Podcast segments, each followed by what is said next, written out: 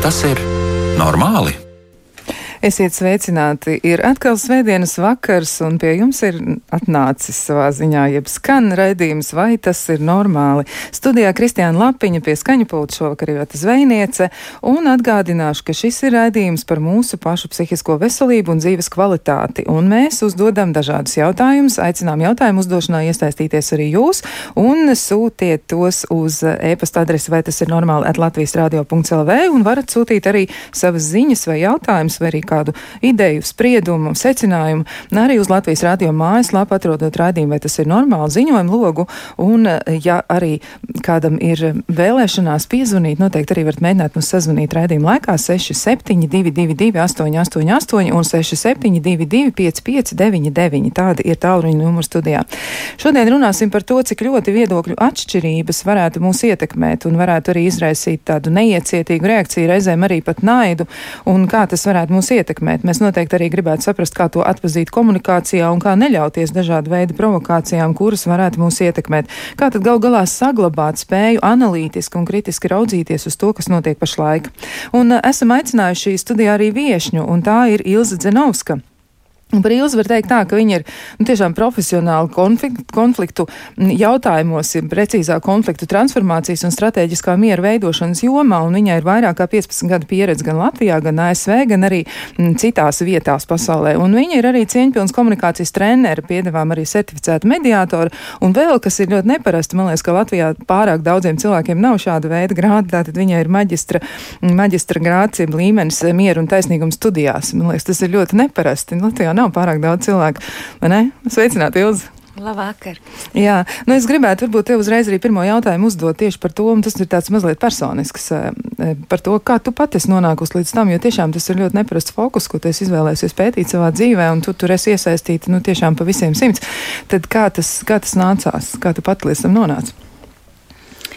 Uh, nu, jā, Man šķiet, ka uh, tas ir labi, ka mēs arī runājam par personisko, jo tas, kas notiek šobrīd apkārt, uh, notiek nepārtraukti vairākos līmeņos, un tā spēja par to reflektēt un runāt gan personiski, nenoliedzot personisko līmeni, nenoliedzot tādu vidējo sistēmu, un arī um, reģionālo un globālo ir svarīga.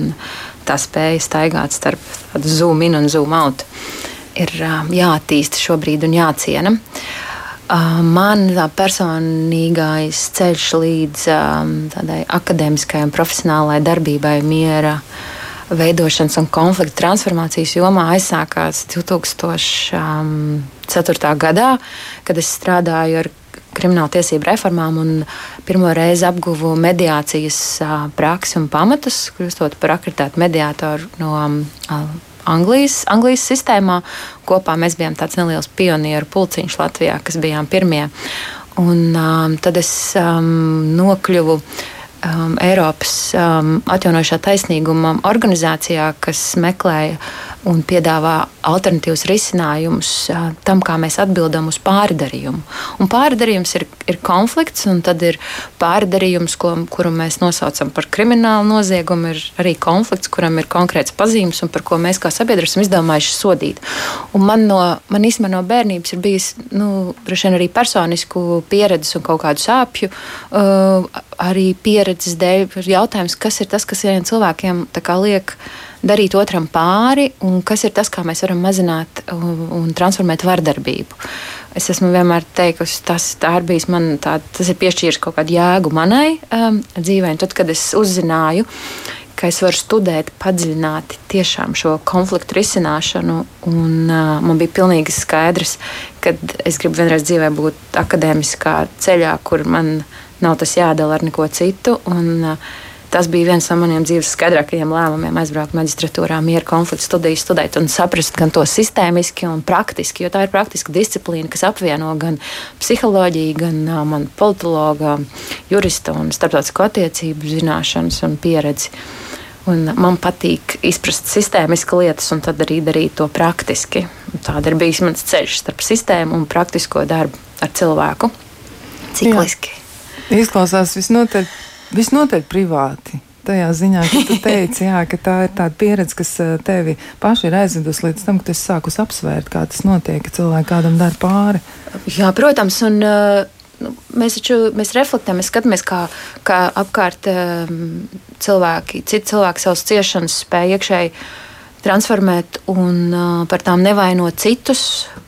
Citi atkal grauž un vaino sevi. Uh, bet ir arī alternatīvi ceļi. Un gan man pašai intuitīvi, kā jaunietim, šķiet, pirms nu, tas ir jau kas vairāk kā 20 gadu atpakaļ, eh, gan arī vēlāk akadēmiski un profesionāls es nonākusi um, tajās procesos, ko es um, nu, piedāvāju, kā atbalstu cilvēkiem, organizācijām un kopienām pie šīm apzinātas izvēles, izdarīšanas iespējām, kur mēs sākam pārvaldīt savus emocionālos, intelektuālos un, un rīcības rīcības nu, resursus un izvēles, kur mēs esam kad mūsu uh, veidi, kā mēs rūpējamies par savām vajadzībām un par savu labesību, neatņem spēku, varu citiem cilvēkiem un nav varas uzspiešana uz viņiem. Un tā nav tikai ideja, tas ir praktiski iedzīvināms dzīvē, sākot no sarunas šeit šovakar, kā mēs ar tevi dalīsim varu šajā ēterā, telpā un uzmanību, un beidzot ar to, kā tas notiek um, um pie miera sarunās uh, vai ministru kabinetā vai uz ielas Rim, Rimī vai jebkur citur. Nepārtraukti šis ir, šis ir šī mūsu vajadzību aprūpēšana un vai nu varas dalīšana, vai varas uzspiešana, vai varas atņemšana.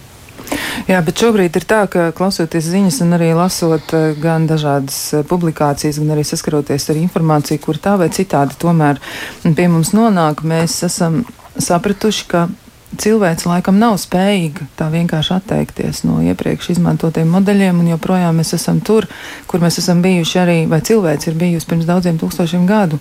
Atkal ir kaut kas noticis tāds, kas liek sarauties šausmās sirdī un prātam, un ir ļoti grūti ar to būt. Um, jā, nu man, mans komentārs būtu pirmām kārtām. Uh, nevajag vispārināt tā ir tāds veselīgs pirmais solis, jo cilvēks pati par sevi nav tāds homogēns lielums, kur visi roku rokā sadavušies vienādā tempā attīstās. Un paskatīt, mēs pastojoties, uh, iezūmojot un tā pastoties vairāk pat uz Latvijas sabiedrību un pastoties uz tuvi cilvēkiem sev apkārt, savām sociālām sistēmām un pastoties uz sevi, uzdot jautājumu, cik, uh, nu, pēc, pēc kādas ir tavas, uh, cik apzināts ir tavas attiecību veidošanas Eh, modeļi ar apkārtējo pasauli, ar līdzcilvēkiem, un brīži, kur tu iespējams nokrīt diezgan zemu. Un tad atkal ir. Uh, tu, pamani to, un cerams, tev ir iekšēji tiecība, mērķis un izpratne par to, kas ir tā labākā versija, kā tu gribi miedarboties ar sevi un pasauli. Un arī nu, pasaulē, Eiropas Savienībai, um, mums nu, valstu kopienai. Ne, um, mēs skatāmies uz to, kāds ir ANO vēstījums un kā nodoms bijis, um, kādu veidu attiecības starp valstīm veidot un pēc kādiem priekšrakstiem un um, kādām vērtībām. Um, mums atkritieni ir nepārtraukti, un nav jau šis Ukraiņas um, kara darbība Ukrajinā jau nu nav tā kā uh, vienīgais. Uh, vien, vienīgais šoks, kur mēs kā cilvēki vēl aizvien demonstrējam, izvēli par labu um, konflikta eskalācijai un līdz vardarbībai un vardarbības izmantošanai, um, lai rūpētos par savām interesēm un vajadzībām. Un mēs vēl aizvien to pieļaujam. Mēs to pieļaujam ģimenēs, mēs to pieļaujam organizācijās, mēs to pieļaujam kopienās un reģionos. Jā, nu, psihologi droši vien un arī uh, citi profesionāļi teikt, ka ir vienmēr tāds skaidrojums atrodams, kāpēc kāds cilvēks vai kāda cilvēku daļa, nu, varbūt ļoti maza daļa no cilvēces kopumā, ja reiz mēs nevispārinam, ka viņi uzsāk tādas ļoti agresīvas darbības, kas ir vērstas pret citiem cilvēkiem, un iespējams tur mēs varam atrast arī kādu pamatojumu, kāpēc tieši šādas izvēles un ne citādas. Bet kāpēc tik grūti veicas? Nonākt pie tā, ka tomēr varētu mierizlīguma ceļā risināt kaut kāds jautājums. Kāpēc šī vajadzība aprūpēšana vai tās savas intereses, nu kāpēc tik ļoti, ļoti bieži tomēr cilvēki nonāk līdz tam, ka viņi tik ļoti sadalās attiecībā uz dažādiem viedokļiem un tomēr nav spējīgi skatīties vienā, vienā veidā uz šīm lietām. Varbūt nevienā veidā atzīstot, ka tā ir tāda kopēja patiesība, kas noteikti varētu tā nebūt, bet neizmantot vardarbību vai uzbrukšanu viens otram. Vai, vai šis jautājums ir tā, tā vispārīgi domājot vispār par mūsu sabiedrību, vai domā vairāk tieši kontekstā ar domāju, arī tādām valstu līderu izvēlēm un, un globāli? Varbūt varētu no. vispirms par sabiedrību padomāt, jā, mēģināt raksturot to vispirms sabiedrības līmenī, un tad jau mēs varam varbūt arī to domu mm. izvērst pēc tam. Nu, mēs, mēs visi veidojamies tā, augšanas um, ceļā un no tām pieredzēm, ko demonstrē mums apkārt esošie cilvēki, kā viņi rūpējās par sevi vai kā ir rūpējušies par mums un kā ir dalījuši um, savu uzmanību, savu savas rūpes, iejūtību. Un, um, negribētu, es nezinu, vai cik mēs dziļi ietu tagad um, tādās, um, tādā drošā piesaistē un tajā, cik mēs um, droši Uh, un mīlestību saņemoši, uzmanību saņemoši esam bijuši, un cik tā tagad nu, mums ir gana tā sajūta, ka mums ir gana ar savām vajadzībām, mums ir gana pieredze ar to, kā mēs dalāmies. Bet ļoti daudz jau mēs uzaugam arī mūsu sabiedrībā, ir tāds mantojums ar līdzatkarīgām attiecībām, ar attiecībām, kur cilvēki jau no paudzes paudzē um, ir ļoti nu, lielā disbalansē un pat nu, neapzināti atražo attiecības pret atbildību un pret varu, kur uh, varas uzspiešana, citu pakļaušana ir stratēģija, kā justies droši un nodrošināt to, ka mani neizmanto šai pasaulē.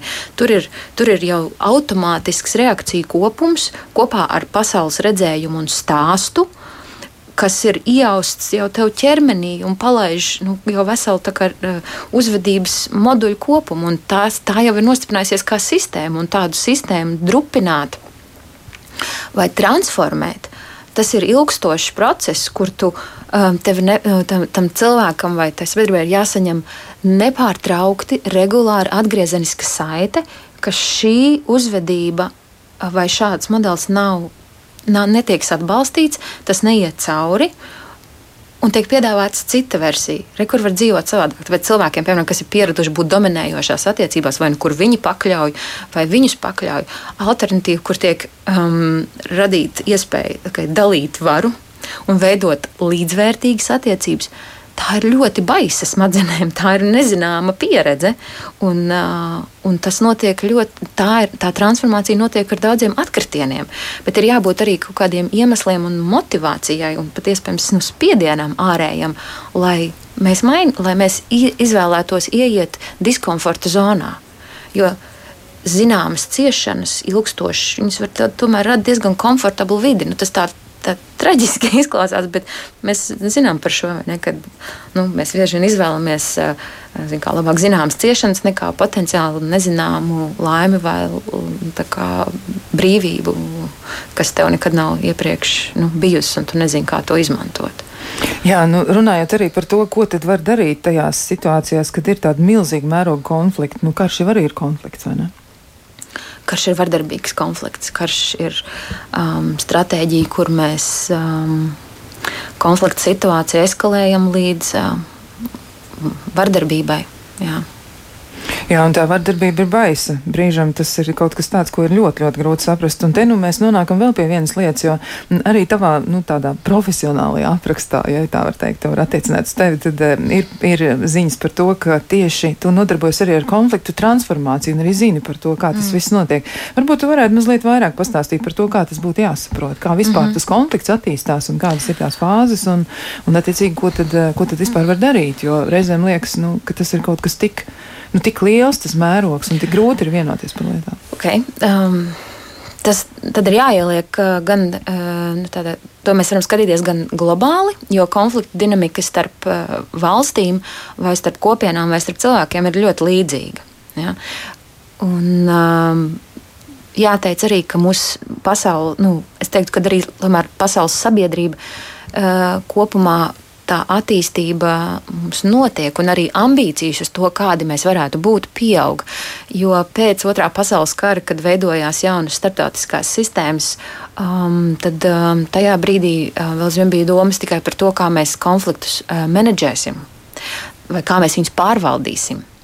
Um, tad ap, uh, tad tālāk tā attīstība tajā, ko mēs sagaidām un kādas pratība ienāk konfliktu, konfliktu pārvaldīšanā, no, atvēra jaunu posmu konfliktu risināšana. Man ir konflikta risināšana. Un pēc uh, konflikta risināšanas nākamā stadija ir konfliktu transformācija. Un te mēs runājam, varam skatīties, tas ir 80, liekas, 1985. gads, kad arī skatoties uz to, kāda ir globālās uh, starptautiskās kopienas atbilde uz konfliktu un miera attiecībām, tad um, miera ilgspējīga miera veidošana sāk kļūt par ambīciju. Pirms tam stāsts ir tikai uh, par uh, miera uh, arī nodrošināšanu, par miera nodrošināšanu. Um, un, um, un tad tā konflikta transformācija nozīmē to, ka mēs sākam skatīties uz konfliktu kā caur attiecību teorijas, caur to, ka notiek konflikts un viņam ir šis potenciāls vai nu piedot attīstību tām attiecībām, kurās tas notiek, un ir kaut kāds mērķis arī to attiecību kvalitāti nākotnē uzturēt, veidot, transformēt. Vai mēs skatāmies tikai uz pagātni vai uz tagadni? Tagad mēs kā tad apturēsim, izbeigsim uh, vardarbību un, uh, nezinu, un tagad uh, sauksim pie atbildības. Ja? Ir sadaļai tagadnē par atbildību un par pārējas taisnīgumu veidošana ļoti liela nozīme. Um, taču nu, sabiedrības attīstības un arī starptautisko attiecību attiesti, attīstības un miera studiju un konfliktoloģijas attīstības procesā tieši fokus ir uz to, kāda, ar kādu attiecību kvalitāti mēs gribam iznākt no šī konflikta. Kā, kā individi, kā sabiedrība. Jā, nu tā tad katram cilvēkam droši vien ir vērts apdomāties, ko viņš tur pats tajā saskata. Bet, eh, ja mēs par ikdienišķākām lietām runājam, tā, kā mēs to informāciju ieraugām, bieži vien arī kā mēs ar to saskaramies. Nu, ļoti bieži cilvēki saka, ka viņi sociālajos tīklos sazinās, un tur ir ļoti būtisks viedokļu atšķirības par to, kā viņi ir interpretējuši to, ar ko viņi ir saskārušies. Vai arī mm, reizēm arī mēs esam iepriekšējās sarunās saskārušies ar tādu informāciju, ko ir klausītāji arī paši snieguši un teikuši par sevi, ka ir reizēm ļoti tuvās attiecībās, nu, tik būtiskas viedokļu atšķirības, ka tiešām tas izvēršas par ļoti, ļoti nopietnu konfliktu arī tādu privāti. Ja, cilvēkiem ir ļoti grūti e, saprast, ko tad ar to lai dara. Un viņi riskē ar, ar, ar savstarpēju tādu izpratnes zaudēšanu vai labklājības zaudēšanu. Ko tādā gadījumā darīt? Kā tad transformēt šo? Kas varētu būt tāds rīks, viens otrs, trešais, ko varētu lietot, lai transformētu konfliktu? Nu, es, teiktu tā, sāksim ar to, ka tev ir jāsaprot, vai vajag. Ja? Tātad, kāda ir šo attiecību nozīme un kāds ir tas konteksts? Nu, bet, ja tas ir vīrs un sieva, piemēram, vīrs un sieva, vai, jā, vai vīrs un, un, un sievas māte, jo uh, nu, var arī māsas, arī esmu dzirdējis, kur uh, māsas viena otru pasūta ļoti tālu šobrīd, jo viena atbalsta Putina režīmu un otrā nespēja vispār nekādā veidā procesēt un apstrādāt šādu realitāti. Vai, arī jā, tieši tā laulāto attiecībās vai ar um, atvasinātiem radiniekiem. Par šo jau kā, jā, vairāk kārt dažādos formātos man ir jautājuši un runājuši. Un teiktu, pirmais, um, pirmais solis un saprast ir tas, ka cilvēki nemācās un mūs nedzird tad, kad viņi ir apdraudēti. Ja es gribu ar viņu ar lielu duku pārliecināt, es tagad tevi nosēdināšu, tev, un es tev tagad izglītošu šovakar tā, ka tev ir zils gar acīm, es tagad nobrucināšu tev pasaules kārtību, um, tavas, uh, vienalga vai tās ir fiktīvas, bet šķietamo subjektīvo drošību, un tagad parādīšu, atklāšu tev patiesību un apgaismošu. Nu, tā jau ir arī tā ir vardarbība ar to. Ar tādu attieksmi un ar tādiem instrumentiem mēs saņemsim lielu pretestību, un noslēgšanos. Un, un tad, ja mēs paši esam jau emocionāli uzkarsēti, nevis mums ir nu, tāda brīva, vēsā prāta resursi, bet esam iekarsuši un iekšēji mēs īstenībā domājam, kā tu vispār spēj kaut ko tādu domāt, kā zeme nes šādu te, attieksmi. Tu, tu to savu nosodījumu, savu um, iespējams nicinājumu, ja tāds tev ir, un tev ir es teiktu, jāuzstāj ļoti konkrēta inventarizācija par savu domu higiēnu. Ja tu tiešām gribi veidot paplašinātu sapratni un pamazām uh, nonākt pie kaut kādas um, otra dzirdēša, dzirdēt spējas. Jo ja es gribu nodot kaut kādu vēstījumu no sevis, man ir jāpārliecinās, ka tas otrs cilvēks jūtas pietiekami droši un nu, viņā ir kaut kāda brīva telpa uztvert to vēstījumu. Ja šis cilvēks ir bailēs un jau ir aizsardzības modelī, un viņš turās par katru varu pie tā sava, uh, savas patiesības gabaliņa, es ar varu viņā neiestumšu vēl informāciju.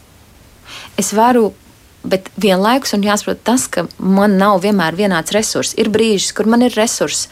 Šis, tas ir mana maksimālā kapacitāte, kad man ir šī empātiskā klausīties spēja, kur es varu kā iekāpt tajā trešajā pusē, izkāpt no brīža no savas sāpes un savas.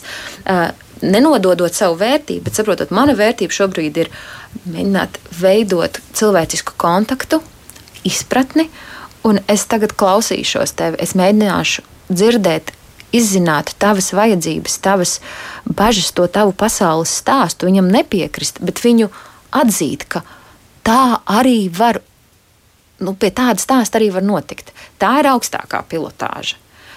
Nākamais Bet nu, mums vienmēr nav šāds empātijas resurss. Tas prasa arī zināms nu, jautājumu, struktūru, jā, zināmu vēstījumu uh, nu, saņemšanu un atdošanu atpakaļ tam cilvēkam, lai veidotos tā pieredze, ka viņš ir sadzirdēts, ka viņš tiek pamanīts, un viņš netiek uh, nonicināts un iekšēji kaunināts vai pazemots. Jo tajā brīdī saruna beidzās. Bet tad ir brīdis, kur uh, es nevaru vairs klausīties, bet tas, ko es varu, es varu cieņpilni iekšēji pateikt, ok, man ir svarīgi pateikt, nu, kā, manas vērtības šajā gadījumā ir šī nezinu, cilvēka dzīvības, cieņas, aizsardzība un godīgums, un tādēļ es šai sarunai, vai šādai informācijai, vai šādam veidam, kā tu man runāji, saku ļoti konkrēts, nē, tas nav pieņemams. Es, esmu, un es šobrīd nevaru tevi dzirdēt jo man sāp, mani tas sanikno. Es esmu gatava atgriezties pie tās sarunas, bet tā, ka mēs viens otru dzirdam. Nu, ka es varu vēl aizvien no, noturēt um, šo apzināto izvēli, neiemest jaunu pagali. Bet tad ir brīdis, kur arī to es nevaru. Es saprotu, man ir vajadzīga empātija sev. Ko nozīmē empātija sev? Kā es to lietoju, kā nevadības komunikācijas treneris. Lietoju, man ir vajadzīgs sevi sajust, sevi saprast, izjust tās savas niknumu, bailes, sāpes, uzdodot sev jautājumu, okay, kas aiz tā ir tas man svarīgais. Es ļauju viņus just, lai es varētu pēc tam nonākt atkal pie apzināts izvēles par kaut kādu konkrētu, jēgpilnu, pozitīvu rīcību. Jo um, man šķiet, ka viens ļoti svarīgs jautājums mums katram ir sev uzdot, kāds vispār ir kā mans nodoms piedalīties šeit uz Zemes? Nu, kā, kā, ko, vai es esmu tāds tā saņēmējs visu laiku no kaut kā, vai es kaut ko dodu, un ko tad es dodu, un kā es dodu. Vai, vai es, ko es dodu šai sabiedrībai, ko es dodu šai valstī, ko es dodu šai pasaulē no sevis. Nu, ko vai es dodu tikai savas emocionālās reakcijas un pasūtot krievu kara kuģi kaut kur, kas daudz ir noticis Latvijas publiskā telpā. Un, un es esmu vairāk kārt par to teikusi, brīnišķīgi. Jums mums ir vajadzīga emocionāla izlāde, man ir vajadzīga emocionāla izlāde. Es iesaistos atbalstot šajā, šajā nu, kara darbības um, traģēdijas nu, radīto seku, gan mazināšanā, tā kā es to varu, gan arī skatoties preventīvi. Man ir vieta, kur vajadzīgs izlādēt. Es nezinu, guliet ar tādu pidžāmu vai, vai draugu lokā, es nezinu, izkliedzaties vai, vai izlādēties niknumu, kur, tas, kur, tad, kur tā vieta ir droša, bet lai tas nevairo vairāk naida un uh, sadrumstalotības un uh, ievainojumu tajā vidē, kas ir ap tevi un kas ir nu, paplašinātā tava vide. Man šķiet, tas ir ļoti svarīgi. Tas varētu arī nebūt nemaz tik viegli, jo droši vien daļa cilvēku izmanto iespēju paust emocijas tieši caur to, ko tu saki. Jā, tā, tā varētu būt tā droša vieta, varbūt tā būs pidžama ar apdruku, bet viņi to neizvēlēsies. Viņi izvēlēsies, piemēram, sociālo tīklu, kur ir kāds cilvēks, kuram varbūt pat nav gluži pretējs viedoklis, bet atšķirīgs. Un tajā brīdī viņi sāks uzbrukt arī viņam un izskatās, ka tas eskalē attiecības. Jā, un tad um, tādi cilvēki būs mēs, kas, mēs atgriežamies pie sākuma mūsu sarunas. Mēs katrs um, ir brīži, kur mēs katrs varam nu, iznākt priekšplānā vai tajā savā briedumā un pieaugušajā, kur es varu um, izdarīt apzinātu izvēli, iedomājieties, kā mana rīcība potenciāli varētu ietekmēt gan to cilvēku, kas man priekšā, arī kādas tālākas sekas viņi varētu radīt. Un tā ir, tā ir tāda tā brīža, nu, teikt, mūsu emocionāla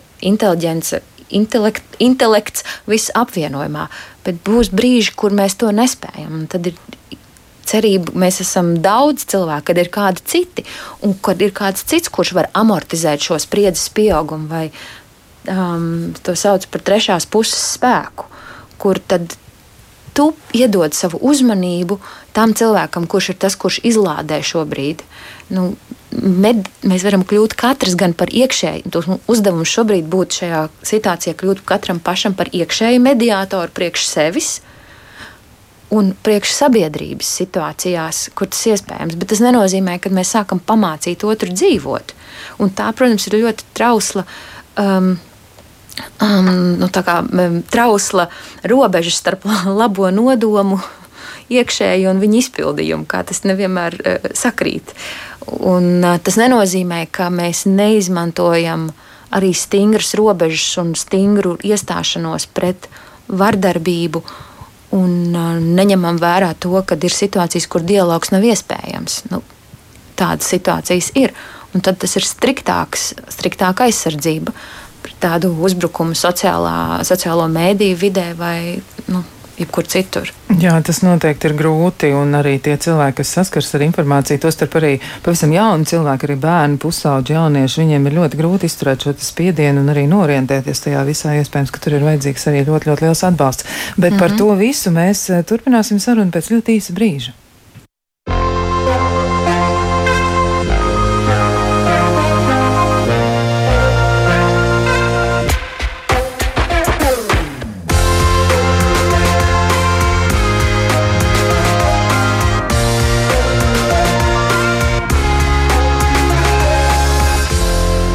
Vai tas ir normāli? Mēs turpinām sarunu par to, kā mums eh, salāgot savus eh, viedokļus, jau nu, varbūt tomēr nē, bet savas izjūtas, un kā mums nonākt pie kopsaucēja, kurš neievaino kādu citu, kā tikt galā ar grūtībām, kuras mēs piedzīvojam paši, un kā tikt galā ar informāciju, kuru mēs saņemam katru dienu, un kā galu galā tad uh, spēt piedzīvot to, kas notiek pašlaik, nepazaudējot sevi un vienlaiks arī nevēršoties vienam pret otru, vēl neiecietīgāk, vēl naidpilnāk nekā to dara kāda lielvara, kura mēģina pakļaut kādu citu, kādu citu valsti, kādus citus uh, cilvēkus, kādu citu domāšanu un citus priekšstats. Un par to mēs šodien runājam ar Ilzi Dzenovsku un atgādināšu, ka viņi ir konflikta transformācijas un strateģiskā miera veidošanas jomas profesionāli ar vairāk kā 15 gadu pieredzi, un viņi ir arī cieņpilnās komunikācijas treneri un arī certificēti mediātori. Man gribās, Ilz, uzreiz arī tev pajautāt par to, nu, kā ir ar to komunikāciju, jo mēs zinām, nu, tāds piemērs vienkārši par uh, naida runu kaut vai, ja, jo naida runa var izpausties ļoti daudzās un dažādās formās, un uh, diezgan svarīgi ir atpazīt tās situācijas, ka kāda konkrēta izteikuma varētu tikt uzskatīta par naida runu, un starp citu arī privātā dzīvē, privātajā dzīvē tieši tāpat mums reizēm ir nu, kādi tādi jociņi, kas uh, savstarpēji tiek, nu, mēs kā, kādam kaut ko pasakām, un tur var gadīties arī, ka nu, kāds joks, uh, ja tas pārkāptu privātās komunikācijas robežu, tomēr tiktu uzskatīts par ko tādu, kas raksturo uh, mūs kā neiecietīgus cilvēkus. Kas raksturo tad šo komunikāciju, kura ir agresīva, neiecietīga, um, nepieņemama arī droši vien un tāda riskanta? Es gribētu, um, jā, es gribētu sākt ar mazu atrunu. Uh, ka noteikti šis stāsts nav uh, par to, ka mums ir jākļūt visiem par baltiem, pūkainiem, jaukiem cilvēkiem, kas um, nevar vairs godīgi, stingri pateikt to, ko kas domā, viņiem jā. sāp, ko viņi domā, kas viņiem ir svarīgi. Tāpat laikā nu, tie navigācijas galvenie instrumenti, kas nodrošinātu lielāku iespēju veidot sapratni un nenoslēgties vienam no otra un neizstumt vienam otru no tās um, dzīves telpas, neatņemt viņam uh, vai viņai nezinu, spēku. Uh, ir pirmkārt paliekot pie um, konkrētības un nevis pārinot cilvēka uh, uzvedību vai konkrētu rīcību kā viņa personības iezīmi. Un tiklīdz mēs sākam piešķirt cilvēkiem diagnozes par to, kā viņi ir, um, vai viņi ir um, neprofesionāli, vai viņi ir emocionāli, vai viņi ir histēriski, vai viņi ir neadekvāti, vai viņi ir. Um, um, tagad mēs mētājam arī. Um, no psiholoģijas lauka dažādas diagnozes, pa labi, kreisi viens otram uzstāda diagnozes, un tā kā tas zeļ un plaukst. Aiz tā pazūd cilvēks, viņa konkrētā rīcība, viņa konkrētās vajadzības. Un, um, un arī atbildība. Bieži vien mēs, kad mēs sākam izdarīt apgalvojumus par to, kā otrs ko viņš domā, vai ko viņš jūt, vai kas ir viņa pasaules redzējums. Mēs izlaižam ārā to mm, posmu, ka tā ir mūsu autorība. Tas ir mūsu sacerējums. Ja mēs neesam vēl tik vērīgi, ka mēs spējam novērot pasauli, vienu cilvēku uzvedību bez interpretācijas par to, ka viņš mani, viņš mani neciena, viņš mani, um, um, par mani nerūpējās, vai, viņš, vai viņa um, viņiem es esmu mazsvarīgs, šādi vispārinot kaut kādu cilvēku uzvedību, kur mēs pat nemākam bieži vien nodefinēt, ko tas cilvēks ir darījis vai nedarījis, kāpēc mēs tā sakam, um, tad vismaz uzņemies atbildību, ka man tā šķiet, ka tā ir mana pieredze, kas noteikti nav viens pret viens ar tā otra cilvēka realitāti. Un otra lieta, kas ļoti svarīga, ka mēs mācītos atdalīt domas no izjūtām tas, ko viens es jū, varu just bailes, varu just izmisumu, varu just vientulību, varu just satraukumu, bet tu nevari just.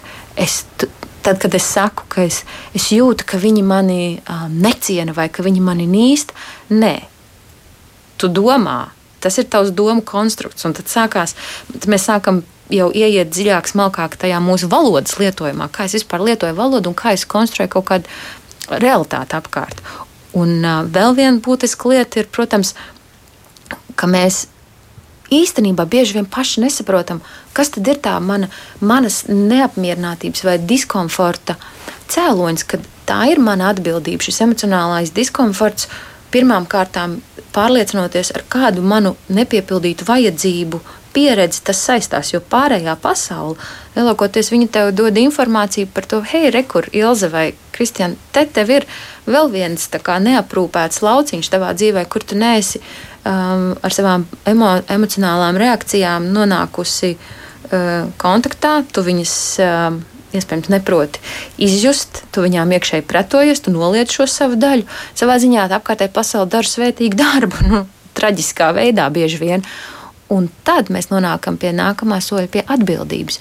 Kāda ir mana atbildības pat daļa pateikt tev, Klau, nu, um, tad, kad mēs satiekamies ar tevi mūsu zin, sapulcēs, vai kad mēs satiekamies jau trešo nedēļu mūsu uzņēmumā, uh, sēdēs un uh, um, visi noliecam galvu un piekrītam tam, um, ka mēs nerunājam par kara situāciju Ukrajinā uh, tikai tāpēc, ka mums ir mūsu vadība ir tā lēmusi, kaut īstenībā mēs gribētu atrast veidu.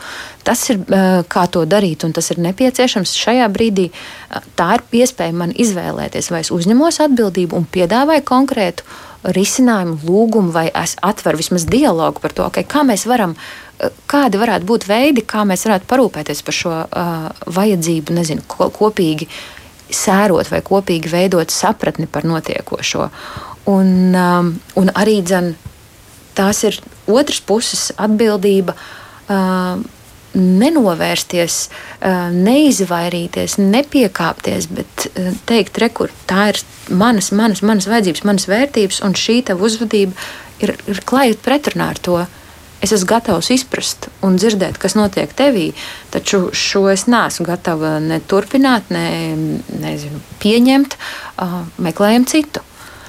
Un es teiktu, ka kopumā, kopsaucē, nu, kopumā savākot to kopā, šis ir stāsts par strauju aicinājumu augt. Mums katram kā individam un pāraugt sevi, jo katrs konflikts, šajā gadījumā šis ir viens traģisks, milzīgs konflikts, zem, ko mēs pieredzam ar šo kara eh, situāciju Ukrajinā, bet viņam jau ir mazie mikro.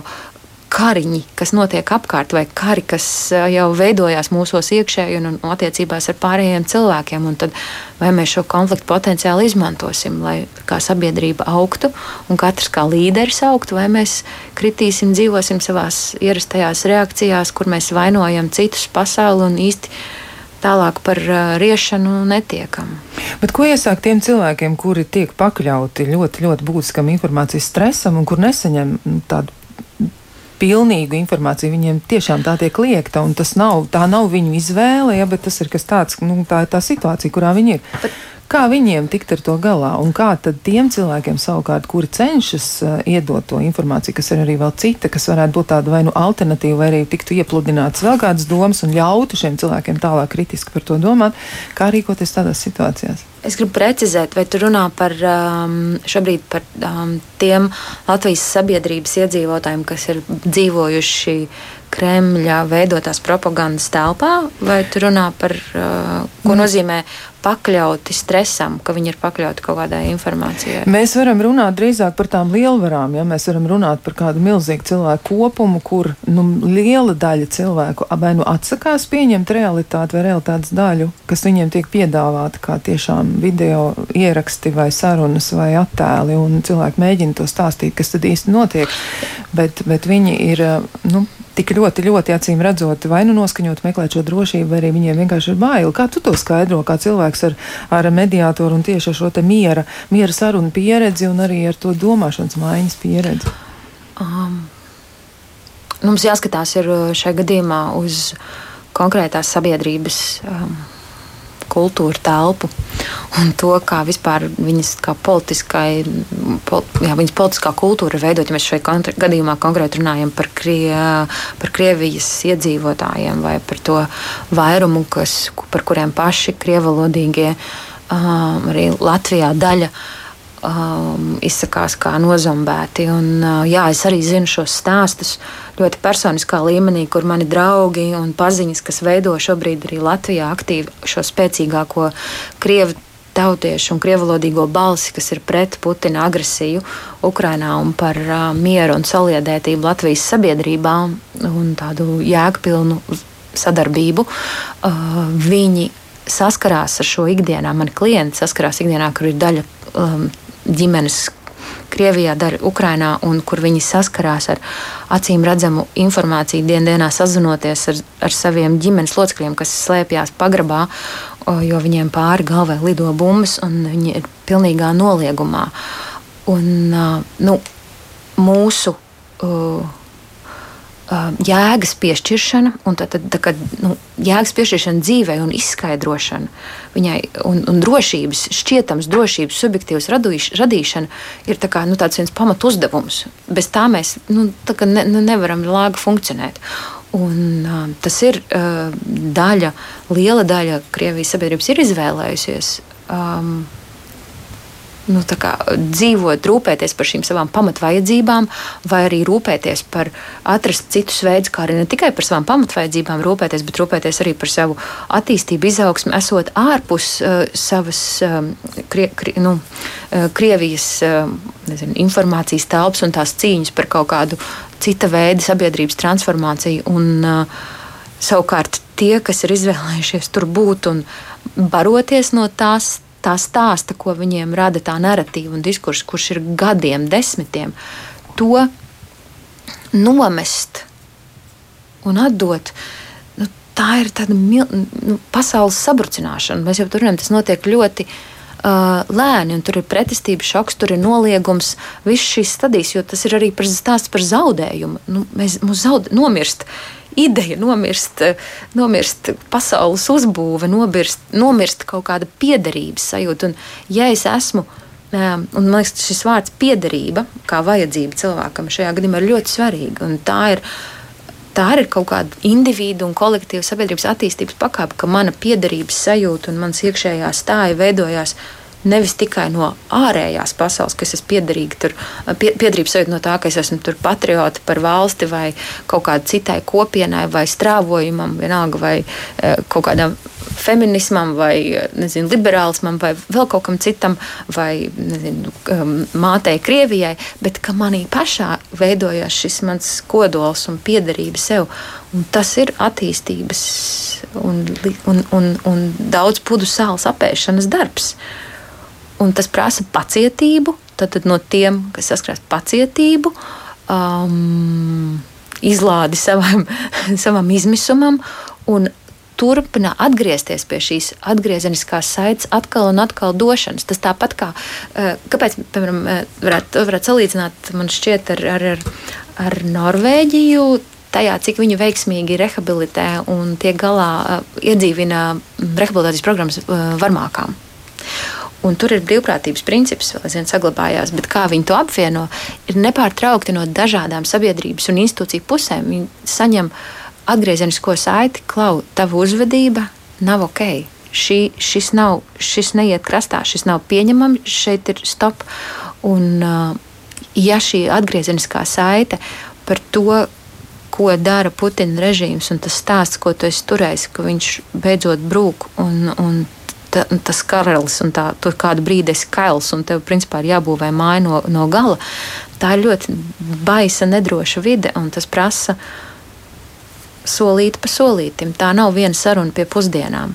Mani draugi, ar kuriem vecāki ir inteliģenti, strādājoši. Eh, arī laikam, tēvs valsts iestādē, eh, Krievijā strādāja. Viņi teica, ka viņiem ir pat tā sapratne, bet arī tās milzīgās bailes par to, kā vispār uh, Jo bailes daudziem viņi dala un nejūt, ka tā lielā masa ir savākusies, kur vēl varētu iziet ar vienu joni ārā. Un, un tā baile šajā brīdī ir lielāka nekā nezinu, mīlestību uz brīvību vai mīlestību uz cilvēku cieņu. Tomēr tas ir stāsts par kritisko masu. Jo um, nu, es iekšēji noteikti mans kompass ir nofokusēts uz to, ka mīlestība ir stiprāka par bailēm. Bet tas ir laika jautājums. Tas varētu būt jā, laika jautājums, un tas arī noteikti ir par tādām fundamentālām pamatvērtībām. Galu galā taču laikam lielākā daļa cilvēku, kas apdzīvo zemeslodi, tomēr zina, kas ir ļauns un kas ir labs, un tas nav nemaz tik ļoti subjektīvi. Nu, piemēram, nepamatota, neiespējama, nepieļaujama darbība. Kaut vai, piemēram, apzināta cilvēka nogalināšana. Tas ir briesmīgi. Manuprāt, laikam taču visas kultūras teiktu, ka tas nav, tas nav pieļaujami. Tad kā ir ar to labā un ļaunā pazaudēšanu tajos viedokļos, kur mēs to ielaužam iekšā, mēs noteikti kaut kā to tur ieliekam. Un tas kļūst par kaut ko subjektīvu. Um, es varētu atbildēt no tā, kā notiek um, cīņa, kā veidojas cīņa vai kā notiek konflikta eskalācija. Varbūt tie būtu tādi konkrēti soļi. Jo, jā, kamēr mūsu starpā ir cilvēcība un tā cilvēciska saikne, un es tevi redzu kā cilvēku, uh, es tev nevaru tā nodarīt pāri. Man ir, manai psihei tevi jādehumanizē. Ir šis dehumanizācijas mehānisms, kas ir um, kas darbojās gan pāru attiecībās, ko mediātors es, esmu saskārusies gan ģimenēs, gan organizācijās, kur cilvēki pēkšņi vairs nezina, kā otru sauc. Kaut viņiem ir kopīgi bērni, viņi ir kopā gulējuši un viņi ir uh, baudījuši daudz ko ļoti intīmu un tuvu. Um, tur ir kaut kāda pie kaut kāda sāpju daudzuma un tā stāsta, kur tu esi uzbūvējis, kur tas otrs ir vainīgs pie tām tavām uh, ciešanām, un kad risinājums būs tajā, ja tu viņu sodīsi par, kur mēs esam noticējuši, ka mums ir tiesības otru cilvēku sodīt par savām sāpēm. Un tam visam apvienojoties, mēs sākam to otru dehumanizēt, padarīt par necilvēku. Diemžēl tādā gan mikro, gan makro līmenī šis mehānisms tiek darbināts. Tas ir mehānisms, kā tiek konstruēta genocīdi, kā tika konstruēts Rwandas genocīds, kas tika izmantots nacistiskā Vācijā. Um, kādi uh, dehumanizācijas stāsti tiek izmantot šobrīd arī Kriev, uh, Kremļa propagandā un ko mēs izmantojam, kā mēs sākam stāstīt. Jūs paklausieties savas virtuves sarunas vai citreiz cilvēku sarunas ar saviem paziņām, draugiem, kur jūs sākat runāt par saviem uh, partneriem un kolēģiem, tad tie stāsti ir diezgan nu, dehumanizējoši, kur, ir, uh, kur tā vainošana notiek. Un pēc tam tālāk tā eskalācija jau mēs uh, saku, nostiprinām savas pozīcijas, tad mēs sākam nostiprināt uh, ļoti stingru ienaidnieka tēlu savā galvā, un tad jau tiek veidojās draudi, seko draudīgas rīcības līdz brīdim, kad tas eskalējās, līdz abas vai visas puses krīt eh, iznīcībā. Un, um, un tad jau tas ir. Eh, nu, Tur, protams, tajā stāstā ir tas, ka mēs dalām pasauli pareizajā, nepareizajā, ka mans stāsts un mana rīcība ir pamatota un pareiza, un viņa nē. Un tur vairs um, neokorteks um, nedarbojās. Nepalīdzīs, jā, tad mēs esam tikai tikai tajās emocijās. Bet kā mēs varam iet pretējā virzienā? Ko mēs varam vispār darīt? Um, pretējā virzienā no kura punkta? Tad, kad ir eh, kritiens bezdibenī? Jā, piemēram, ir kritiens bezdibenī un izskatās, ka mēs esam teitei sasnieguši to apakšējo punktu. Ne, ne visi cilvēki, protams, bet tā, nu, šoreiz tieši vispārinot, ja konflikts ir eskalēts līdz līdz, nu, grūti pateikt, pat līdz kādam līmenim ir ārkārtīgi grūti to izturēt, un liela daļa cilvēku arī sāk pagurt no tā, un viņi kļūst mm. vēl neiecietīgāki, vēl naidīgāk noskaņot viens pret otru, viņi vēl ātrāk grib atrast vainīgo visam tam vaiprātam, kas notiek, un, un, un ir vēl tas grūtāk. nav risinājums. Tas noteikti nav risinājums. Tas, ir, bet... tas nav risinājums, un um, tā ir tāda. Man, es vēlreiz gribu nu, pateikt to, ka tā ir, šis ir brīdis uh, saukt sevi pie atbildības par savu emocionālā brieduma un pieaugšanas um, notikšanu. Lai mēs spētu izdarīt apzinātas izvēles par to, kā mēs atbildam pasaulē, nevis uz viņu reaģējot. Un šis nav, es negribētu piekrist, ka tas ir vispārinājums. Mēs varam, um, kad mēs domājam par um, tādu globālu uh, vai, vai konfliktu kopienā vai starp valstīm, un kad mēs domājam savukārt tieši par to pretējo, kā mēs atjaunosim mieru, tad stāsts nav tikai, tad pirmais solis, protams, ir vardarbības pārtraukšana. Ir nepieciešams ierobežojos pretspars un pietiekams spēks, lai tā puse vai tās puses, kuras šo vardarbību īsteno, tiktu apturētas. Un te nepietiek ar sarunām. Uh, jā, šīs miera sarunas turpinās fonā, bet jautājums ir, kāds ir starptautiskās kopienas spiediens, lai tā otra puse vai būtu pie sarunu galda un viņai sāktu veidoties motivācija patiesi īstenot šo ceasefire vai nu, tad, uz, uzbrukumu um, pārtraukšanu uz to brīdi. Tam būtu jābūt primārajam mērķim, un te ir trešā puse, tātad cita, tā, tā ir starptautiskā kopiena. Un te nav runa tikai, tagad mēs aiziem pie nākamās, vai te nav runa tikai par politiskiem līderiem vai par augstāko lēmēju um, institūcijām. Kad mēs domājam par miera atjaunošanu, mēs vienmēr skatāmies, tri, ir jāstāsta mums trijos līmeņos. Ir pats augstākais lēmēju, uh, lemt spējīgo.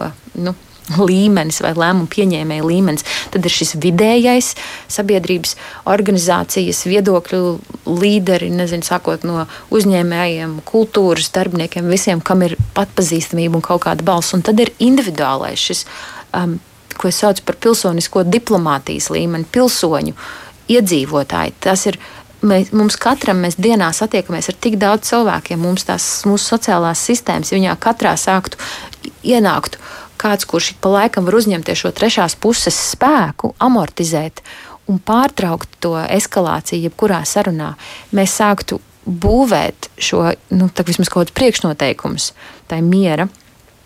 Miera atjaunošanai. Un, tādēļ es gribu teikt, ka tas stāsts ir jābeidz tas stāsts, ko tad mēs varam darīt. Ne, tu katru dienu vari kaut ko darīt tā, kā kādus ir tavs komentārs, ko ieraksti, vai kādu informāciju tu lasi.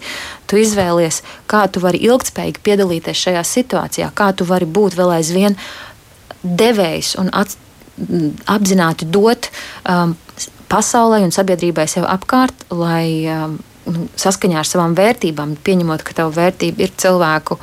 Um, savstarpēji cieņa, brīvība, pašnoteikšanās. Un domājot par to, kādas stratēģijas uz to var virzīt. Un, ja, nu, es domāju, ka tā, ja tās vērtības savukārt ir. Um, diez vai viņas būs ļoti atšķirīgas, viņām varētu būt ļoti. Nu, Dažreiz ļoti traģiski un izkropļot veidu, kā mēs domājam, kā mēs to drošību un brīvību varam sasniegt. Bet mēs noteikti visu laiku esam šajos trīs līmeņos. Ir individuālais, ir vidējais sabiedrības viedokļa līderis un augstākais. Un mums ir arī iespēja apkopot kritisko masu, ietekmēt vairāk, uzrunāt savus viedokļu līderus, uzrunāt savus lēmumu pieņēmējus par to, tad, kad mēs varam to informēti darīt, par to, kāds ir tas atbildi, ko mēs gribam vairāk redzēt no mūsu valsts, vai kā mēs varam runāt par, mm, izdarīt spiedienu par zaļo koridoru aktīvāku um, īstenošanu. Mēs varam izglītot sev, klausoties viedokļu līderu, um, nu, uzticamu, daudzpusīgu informāciju, lai mēs būtu uh, nu, ar plašāku redzējumu, nevis tā kā šautu tā kā tikai vienās, vienās durvīs un kaut kādu vienu ērtu stāstu, kur tev ir viens YouTube kanāls vai divi, ko tu skaties, un vēl varbūt nedod Dievs kā divi influenceri vienīgie. Jā. Nē, nekas nav pret, tas nav tā kā ar domu pret influenceriem, bet ar domu, ka um, tu saliec kopā, nu tad cik daudz, kas ir tās puses iesaistītas šajā situācijā, un kas ir kaut kāda kredib, nu, kā uzticamība tam avotam, ko tu izmanto. Un tad arī saproti, kāds ir tas mērķis. Vai tu informāciju klausies tikai lai pašausminātos, vai tu klausies arī, tu saproti, es gribu atrast savu ietekmes punktu, kur es varu visjēgpilnāk kā indivīds piedalīties šīs vardarbības mazināšanā un kara seku dziedināšanā. Man liekas, vārds dziedināšana tas ir kas tāds, kas ir ļoti, ļoti iederīgs eh, šajā situācijā. Droši vien, ka mums katram arī tas ir nepieciešams. Tas būs ļoti ilgi iederīgs. Un stāsts par Latvijas sabiedrības dziedināšanu, Ukraiņas dziedināšanu, šī reģiona dziedināšanu būs. Um, ir jau, es teiktu, dienas kārtībā Latvijas valstī sen. Un mēs savu sabiedrības nu, gan integrēšanu, gan dziedināšanu no seniem pārdarījumiem nesam uh, mācējuši un esam gribējuši tā dziļi īstenot. Mēs to gribam tā formāli un uh, institucionāli īstenot, kas uh, nav pietiekami. Jā. Tas nav pietiekami. Tas nozīmē, ka katram mums būs jāvērst pie sevis un laikam jāatbild pašam sev uz to jautājumu, kā tad ir ar manu atbildību un kas ir tas mans atbildības lauks, ko es uzņemšos, ko es piepildīšu un ko es darīšu, lai palīdzētu sabiedrībai atvesaļoties. Nu, šajā brīdī man jāsaka, diemžēl, paldies Ilzai. Saruna ir tik ļoti, ļoti ātri jau aizritējusi. Un uh, gribu atgādināt klausītājiem, ka mēs runājāmies ar Ilzu Zinovsku, profesionālu konfliktu transformācijas un strateģiskā miera veidošanas jomas uh, pārstāvu. Viņai tiešām ir ļoti, ļoti liela pieredze. Viņa arī ir cieņpilnas komunikācijas trenere un certificēta mediātori. Un arī ir studējusi mieru un taisnīgumu, kas laikam ir tiešām ļoti, ļoti neparasts virziens, kaut gan tik iederīgs mūsu laikos. Jā, klausītājiem varam novēlēt, tiksimies mēs atkal pēc nedēļas. Studijā ar jums kopā bija Kristiāna Lapiņa, bet pie skaņu pults bija Iveta Zvejniece. Un pēc nedēļas jau droši vien runāsim par ko citu, bet lai jums iespējami vairāk miera.